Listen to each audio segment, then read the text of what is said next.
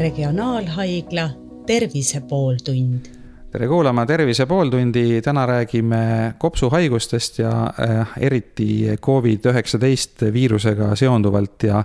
meie külaliseks täna on Põhja-Eesti Regionaalhaigla pulmonoloogia keskuse juhataja, doktor Pille Mukk, tere! tere päevast! Kas praegu võib äh, öelda seda juba, et see äh, Covid-19 äh, epideemia hakkab tasapisi järgi andma, et, et me saame nagu natukene rahulikumalt juba hingata? mina täna arstina ei julge veel niimoodi öelda. ma julgen öelda, et meil ei ole realiseerunud kõige mustemad plaanid, kõige mustemad stsenaariumid ja selle üle on hea meel ja siin on palju panustanud nii meditsiini, meditsiin kui ka inimesed ise see, mis puudutab haigestunute ja nakatunute trendis, trendi, siis ütleme, üksikutest päevadest me järeldust ei tee. kui me vaatame viimast nädalat tagasi, siis me näeme siin selliseid positiivseid trende selles, et, et nakatunute arv või pealevool ei ole enam nii kõrge, et haiglates ei kasva nakatunud, haigestunute arv aga ütleme, väga selline õrral jääl kõndimise tunne on, et ei, ei julge veel lubada, et ikka loodame parimat. et selleks on märke, aga kas see on juhuslik, ajutine, kas see jääb stabiilsena niimoodi püsima, selles osas ei, ei ole täna väga julget tunnet veel kui vaadata statistikat, siis äh, ikkagi äh, numbrid näitavad, et äh, eelkõige vähemalt hukkunute hulgas on vanad ja isegi võib öelda, et väga vanad inimesed seal üheksakümmend pluss ja, ja peaaegu sajaaastane ja ja selles mõttes noorematel inimestel võib neid numbreid vaadates tekkida ikkagi selline mulje, et see neid nii väga ei ohusta, et kuigi üksikud nooremad on ka hukkunute hulgas, aga siiski, siiski pigem mõned üksikud, et et kas tänast pilti vaadates võib ikkagi öelda seda, et, et eakad inimesed on see kõige suurem riskirühm ja nooremad saavad ennast natukene rahulikumalt tunda? Äh, haigestunute hulgas, kes tõsiselt haigeks jäävad, eks ju, et Covid viirusesse nakatunutest me teame, et, et nakatunuvad, nakatuvad ka nooremad inimesed, ka haiguse edasikandjad on nooremad inimesed, kui me vaatame ka viimaste päevade statistikat positiivset, eks ju, testide osas, siis seal ikkagi ka selliste noorte inimeste, suhteliselt noorte inimeste, alla viiekümne aastaste inimeste osakaal on päris suur. Äh, nemad põevad kergemini, äh, nemad ei paista haiglaravi statistikas niimoodi välja, sellepärast et haiglas on tõesti eakamad inimesed, krooniliste haigustega inimesed, et selles mõttes on jah õige. aga see tänane selline nii-öelda murekoht või ärevuskoht on võib-olla see, et, et kui me täna võtame siin, vaadates viimaste nädalate nakatunute ja positiivsete testide trendi ja teeme järelduse, et, et situatsioon hakkab juba veidi vaibuma, siis tegelikult need, kes nii-öelda hakkavad oma siis käitumist muutma, mis puudutab meil täna seda sellist sotsiaalset isoleeritust ja, ja piiranguid, et kes hakkavad oma käitumist esimesena muutma, on tegelikult just nimelt need nooremad ja aktiivsemad inimesed, eks ju, kes peavad ja tahavad tööle minna, kes tahavad kooli minna, aga nende hulgas see nakatunute arv, me ei tea, kui suur ta on, nemad ei ole haigestunud, meil ei ole Eestis olnud sellist laialdast testimist, eks ju. et me saaksime öelda, et me teaksime, kus piirkonnas, mis vanuses inimesed, kuidas on nakkuse kandjatena, et, et millised on ohtlikud piirkonnad, et, et kui me praegu kergekäeliselt nii-öelda lõdvendaksime oma, oma reegleid seda kaks pluss kaks reeglit ja, ja, ja, ja isoleerituse reegleid, siis, siis nemad hakkavad seda haigust edasi kandma, et sealhulgas nii-öelda selle noorte hulgas see selline, see grupp, kes kannab meie eakatele kes põevad raskelt ja tüsistustega haigust edasi, võib olla päris suur. Ja see on see, mille pealt ei, mille tõttu ei, ei tunne me arstina täna ennast turvaliselt ja kindlalt. Ja kui me räägime tänase konkreetse päeva valguses, kus, kus, kus räägitakse juba sellest ja me kõik mõtleme selle peale, haiglad samuti, et kuidas me hakkame oma ka plaanilist ravitööd nii-öelda taastama, selles, mida me oleme piiranud, nii-öelda vanasse nagu rutiini tagasi minema, siis, siis, siis see on samuti seesama ohukoht, et kuidas me kaitseme neid inimesi, kellele me neid, seda abi osutame, neid, kellele me täna haiglates, eks ju, abi osutame, et, et, et kui haigus hakkab ühiskonnas ikkagi nakatunute arv jälle tõusma, piiranguid lõdvendades, siis me paneme ohtu need, jälle need eakad ja riskigrupi patsiendid, et, et see on see tunne, miks, miks täna arstina ei, ei, ei tahaks nagu väga õhutada seda, et, et nüüd on kõik hästi, meil lähevad ilmad ilusaks, eks ju, järgmine nädala lõpp on pikk selline mai alguse nädala lõpp, et valvsust ei tohiks inimesed kaotada. No üks teema, mille üle võib vist lõpmatuseni vaielda ja kus tegelikult mõlemal poolel on väga autoriteetseid äh, allikaid, on maskide teema ja ei saa kohe jätta juhust kasutamata ja, ja küsida ka teie arvamust äh, maskide koha pealt, et äh, kui palju abi nendest siis ikkagi on ja me räägime siin tavainimestest, mitte nüüd siis äh, meditsiinipersonali spetsiaalsetest maskidest, mis on mõeldud selleks ja, ja mida on tegelikult väga vähe kätte saada, mis on kallid, aga nendest tavalistest maskidest, mida apteekidest täna inimesed osta saavad või, või kusagilt Hiinast tellida ja me räägime kindlasti nendest tavalistest maskidest, millega inimene ennast ise, eks ju, kaitsta saab. kehtib küll jätkuvalt see, et ütleme, mask on ikkagi eelkõige tõesti selleks, et haige inimene või ka nakkuse kandja ei levitaks nakkust, eks ju.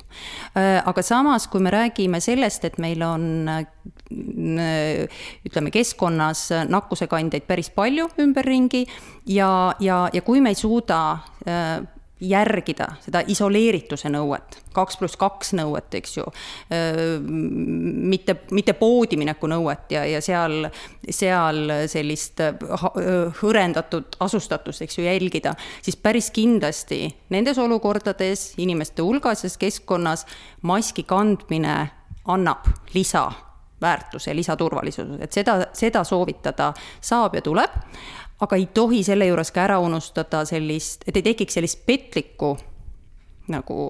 äh, turvatunnet, et ma kas-, kas-, äh, kasutan maski, et ma nüüd võin rohkem. et siis ma lähen korraldan sõpradega, eks ju, äh, sellise laupäeva pärastlõunase lõuna, eks ju, kümme-viisteist inimest, et, et me ju kasutame maske, või et ma selle võrra ei peseks käsi nii sageli, kui seda muidu teen, et, et ka tõesti, see on üks lisavahend ja lisa nii-öelda võib-olla garantii või turvalisuse võimalus, aga sellest ei tohiks äh, ära jätta kõiki neid teisi. Neid maske on ka väga palju erinevaid ja, ja nüüd on ju äh, üleskutsed ka ise kodus neid valmistada ja moeloojad on asunud neid tegema ja ja noh, selgelt nende maskide puhul äh, ei ole see põhiline efekt ei ole mitte nüüd see nende tihedus või, või võime siis mingeid osakesi kinni pidada, vaid pigem see nii-öelda sotsiaalne norm või, või näitamine, et ma hoolin ja võib-olla siis ka see näo äh, saastunud kätega katsumise vähe, vähenemine, et kas see kas nagu, noh, see on ka nagu selline teema, kus on ühelt poolt nagu sellised absoluutsed kriteeriumid, et teatud maskid kaitsevad siis mingi üheksakümmend üheksa protsenti ja teised kaitsevad peaaegu mitte aga siis jälle mõned matemaatikud räägivad, et isegi kalavõrgust võiks statistiliselt olla kasu, kuna vähemalt mingi üksik osake võib sinna kinni jääda. ühesõnaga väga suur segadus. et eh, mis teie arvate nendest päris isetehtud maskidest ja nendest moeloojate tehtud maskidest? ma jään siin natukene vähe informeerituks, ma tõesti ei oma selle kohta ei andmeid ega head, eks ju, kogemust. ütleme kindlasti ka salli nina ette tõmbamine vähendab võimalust, et, et piisad, eks ju, kellegi teiseni jõuavad, kui me aevastame või köhime. aga selle juures, ja see on, eks ju, siis tekstiil ja materjal, et ikkagi mingi, mingi blokeerimine seal on või, või piiratus seal, piiramine on. aga, aga ükskõik, mis materjal või, või mis viisil teda kasutada, noh, selle juures hakkab mängima see, et kui ma ikkagi käin väljas jooksmas ja, ja mul on ees üks niiske puhv siis või mis materjalid need on, eks ju. ja, ja, ja kui ma seal intensiivselt ventileerin ja ta on juba märg ja niiske ja, ja hiljem puhastamata, siis kindlasti ka see selline esmane vähene efekt, mis ta annab, kaob sellega, et, et, et sealt samamoodi ei tekiks ei tekiks sellest maskist, näiteks tekstiilist maskist üks, üks selline niiske mõnus keskkond nendele samadele, sellele samale viirusele, eks ju, nakkustele, mida ma siis hoopis levitan, et noh, selliste asjade peale peab ka mõtlema, et, et kuidas ma seda kasutan, mitmekordselt ma seda kasutan, kuidas ma seda puhastan, noh, tänaste teadmiste juures väidetavalt ütleme,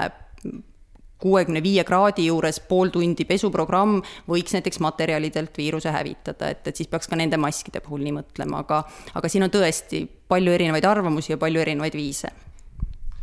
tulles tagasi nüüd selle haiguse Covid-19 juurde, siis äh, kogu maailmas näitab statistika seda, et, et mees, mehed on suurem riskigrupp, et millest see võiks tulla? Siin on jah, mehed on suurema riskigrupiga ja isegi selline kaks ühele mehed-naised, eks ju, ja, ja, ja, ja, ja haigestunud ja, ja tõsiselt haigestunud. siin arvatakse, et ehk on naistel, ütleme, naissuguhormoonil, östrogeenil ehk selline kaitsev, kaitsev toime ja, ja, ja, ja mõned muud faktorid veel, kui me räägime ka ütleme sellistest mõnest ütleme noh, riskihaigustest, eks ju, kui need on kardiovaskulaarhaigused, et millises patsientide grupis seda rohkem esineb.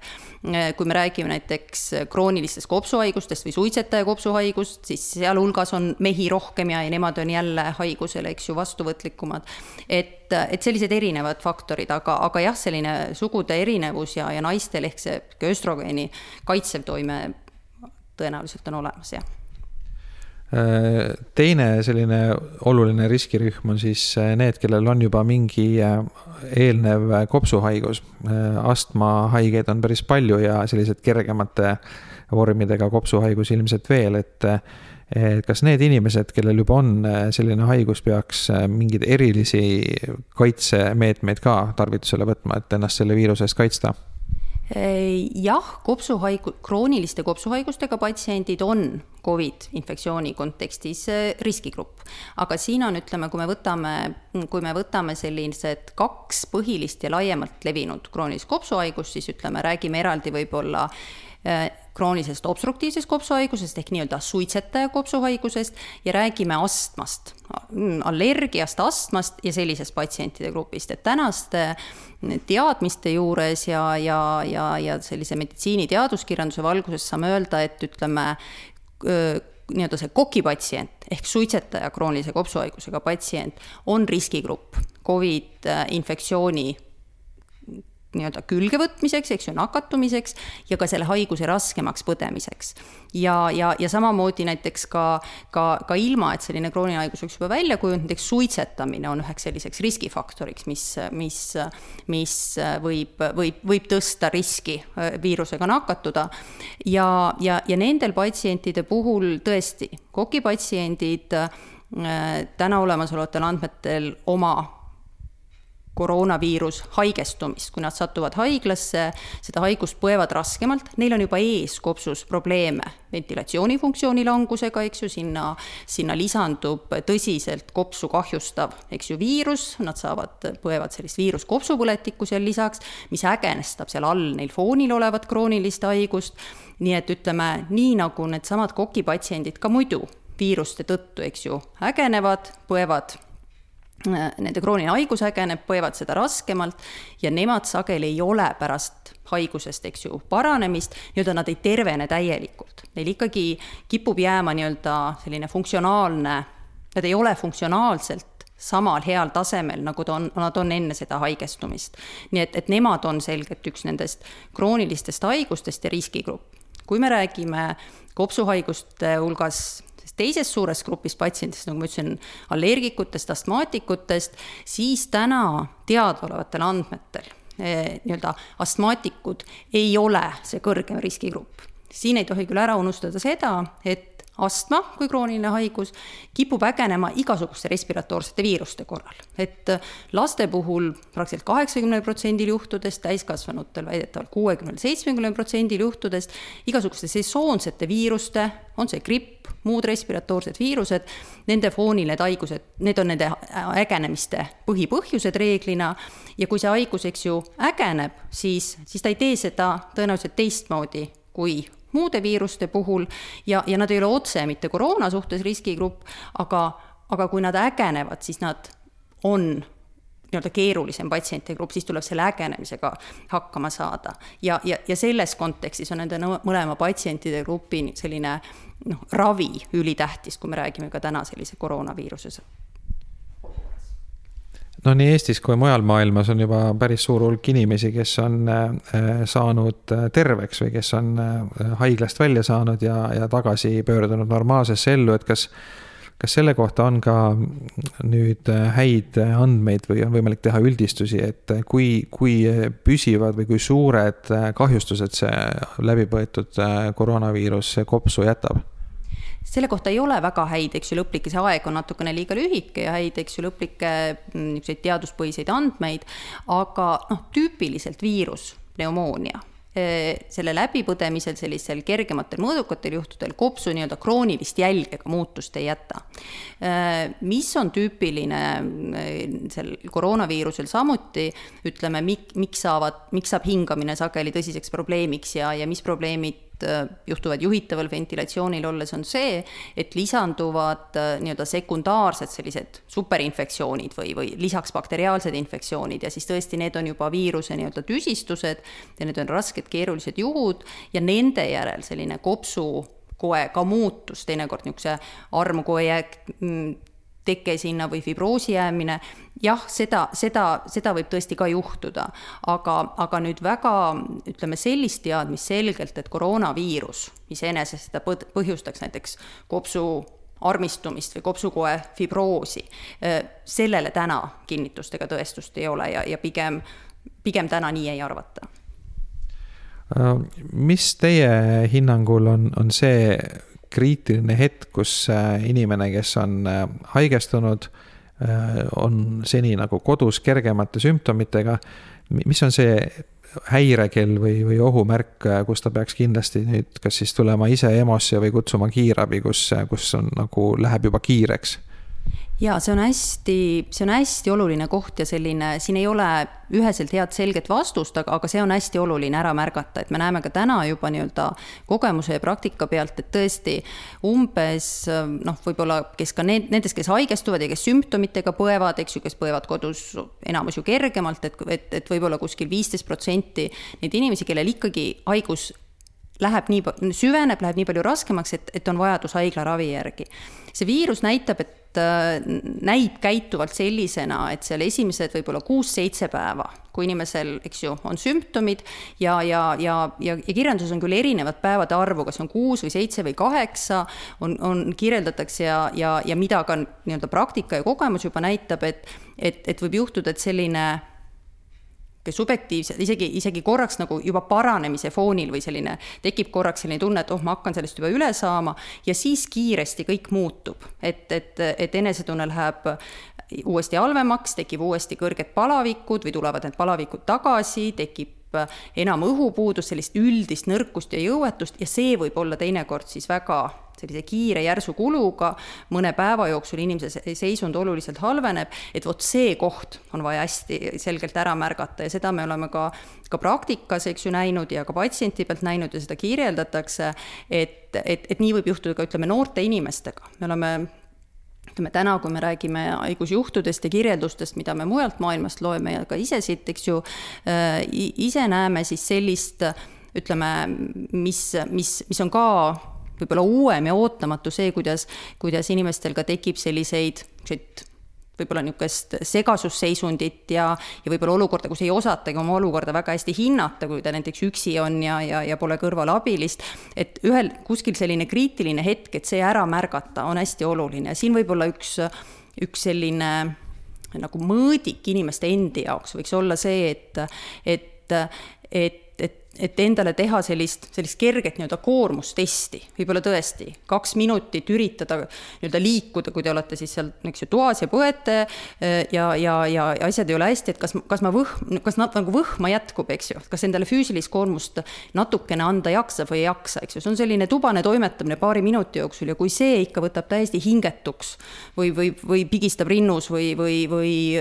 põhjustab tõsise õhupuuduse või et seda üldse ei jaksa, vot siis peaks küll äh, abi järele küsima või, või kas siis kutsuma kiirabi, helistama oma arstile, rääkima asjad läbi, et seal kuskil võib see mõõnahetk tekkida ja, ja ütleme, see tekib siiski vähemusel, nii nagu me alustasime, eks ju, mitte väga vähestel inimestel, aga, aga see kümme-viisteist protsenti on ka eks ju, piisav number ja, ja, ja siis võib osutuda, et, et seal ei ole vaja kannatada ega oodata, sest seal vaikimisi võib kujuneda tõesti all juba hingamispuudulikkus, mis siis võib asja kriitiliseks teha, et see oleks tähtis märgata. No see kõlab üsna hirmutavalt ja, ja selle nii-öelda medali teine külg on, on ilmselt ju see, et paljud inimesed, kellel võib-olla ei ole väga tõsiselt midagi viga, siis satuvad paanikasse ja ikkagi kutsuvad kiirabi või tulevad kohale, et kui palju selliseid äh, juhtumid on, kus inimesed tegelikult äh, nagu üle reageerivad või, või liigselt muretsevad ja tegelikult ei vaja haiglaravi? ma täna tegelikult ei arva, et me oleks näinud, et inimesed üle reageerivad ja vähe reageerivad, et, et ütleme, tänases situatsioonis, kus kus see ongi uus situatsioon, kus see on siiski, võib olla täiesti, eks ju, tõsine haigus ja me räägime täna neist olukordadest, et inimene on, eks ju, juba haige, on juba nädal, on juba teise, teine haige, et, et ta mitte ei parane, vaid uuesti sümptomid, eks ju, süvenevad ja ägenevad, siis ma arvan, et see ei ole ülereageeritud, kui võtta oma perearstile kõne, võtta kiirabisse see kõne, seda kurta, ma ei ole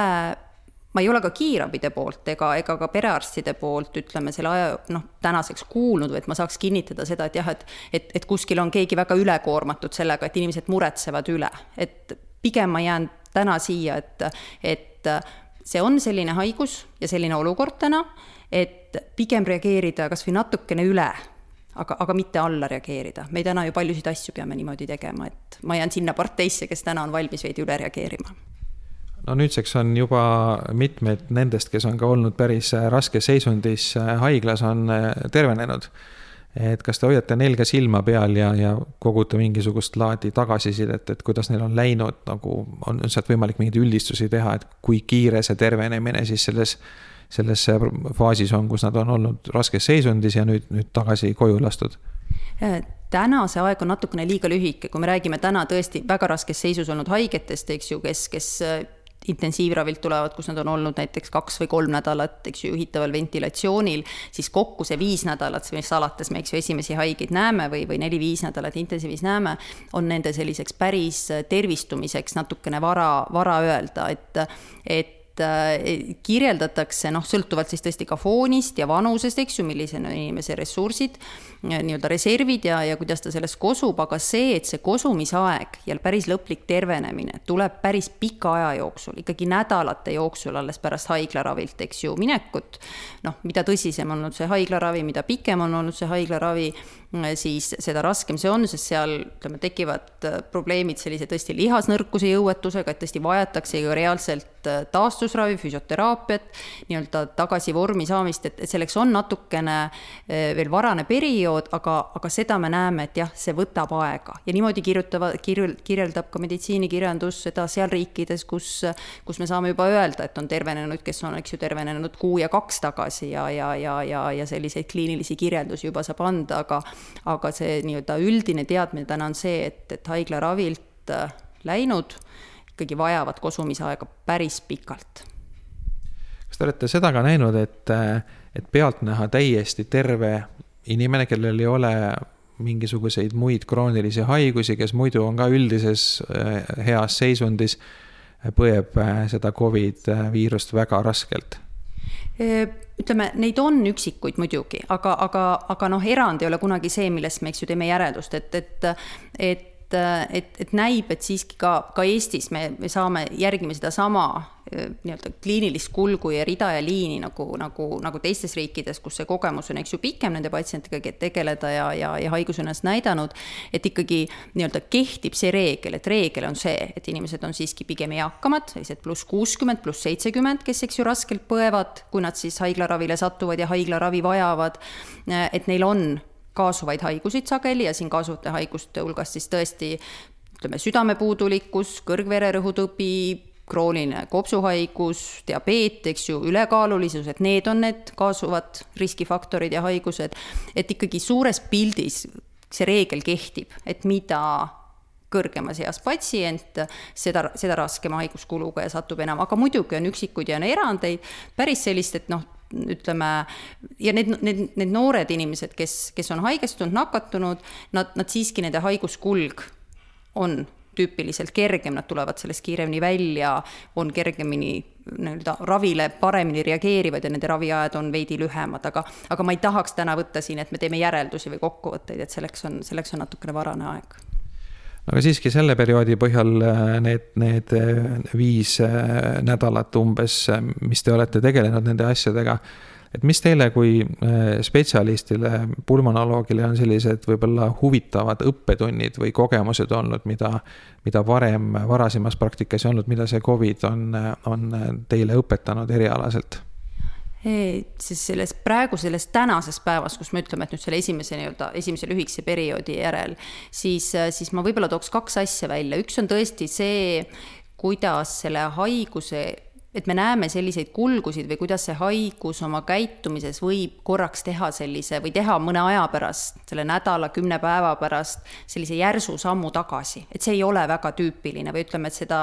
noh, mina kopsuarstina ütlen, et, et see on midagi sellist, eks ju, mis meid alarmeeris, mida me noh, nüüd, eks ju, teame mõelda ja, ja, ja see ei ole nagu väga igapäevane teine asi, mille peale ma nii-öelda kopsuarstina, eks ju, igapäevaselt mõtlen ja mis, mida, mida, mida mitte ainult selle viie nädala kogemusega, aga ka siit edasi ja mida me patsientidele nagu hästi rõhutama peame, on, on see, mis puudutab nüüd tõesti sellist meie ütleme, kui me räägime kopsuhaigetest, eks ju, nendesama kokipatsientide, astmapatsientide ravi, siis me teame üha rohkem sellest, eks ju, kuidas koroonaviirus neid mõjutab ja me teame sellest, kuidas nad peaksid oma ravimitega oma haiguse puhul, eks ju, käituma. ja, ja siin on põhirõhk sellel, mis, mis, mis vajab korralikku teavitust, mida me nii-öelda arstina kogu aeg silmas peame pidama, on see, et astmapatsiendid, et nad igal juhul midagi oma ravis, oma ka selles varasemas, eks ju, konventsionaalses või selles tavapärases ravis, et nad ei jätaks midagi tegemata sellise koroonaviiruse, eks ju, hirmus. noh, inimesed esi-, astmaatikud ikka küsivad, ma olen allergik, ma olen astmaatik, ma kasutan siin allergiaravimeid, eks ju, ma kasutan inhaleeritavaid glükokortikosteroide, inimesed neid steroide sageli kardavad, et see ju muud, äkki muudab minu immuunsust, ma olen hoopis, eks ju, viirusele vastuvõtlikum. vot selliseid küsimusi esitavad patsiendid sageli, aga astma puhul on ülioluline see, et just sedasama inhaleeritavat hormooni, glükokortikosteroidi, seda bioloogilist ravi, mida ta näiteks raske astmaatik saab, et oma haigust kontrolli all hoida, seda on ülitähtis jätkata. ja see vähendab riske, sedasama riski, et ta seda koroonaviirust näiteks kandes või põdedes, et, et tal ei tekiks tüsistusi ja samamoodi kroonilise obstruktiivse kopsuhaigusega, mida, mis tuleb üha enam kinnitust ka meditsiinikirjanduses, mida me ise igapäevaselt näeme, et kui varem oli tähtis oma kroonilisi haigusi, eks ju, hästi kontrolli all hoida ja neid raviskeeme adekvaatselt täita, siis nüüd seda enam. Ja see annab, vähendab riske annab turvatunnet juurde. et sellised kaks rõhku võib-olla. Aitäh, me ajasime juttu äh, Regionaalhaigla pulmonoloogiakeskuse juhi doktor äh, Pille Mukiga ja Tervise pooltunnis äh, küsitles teda Hando Sinisalu, aitäh kuulamast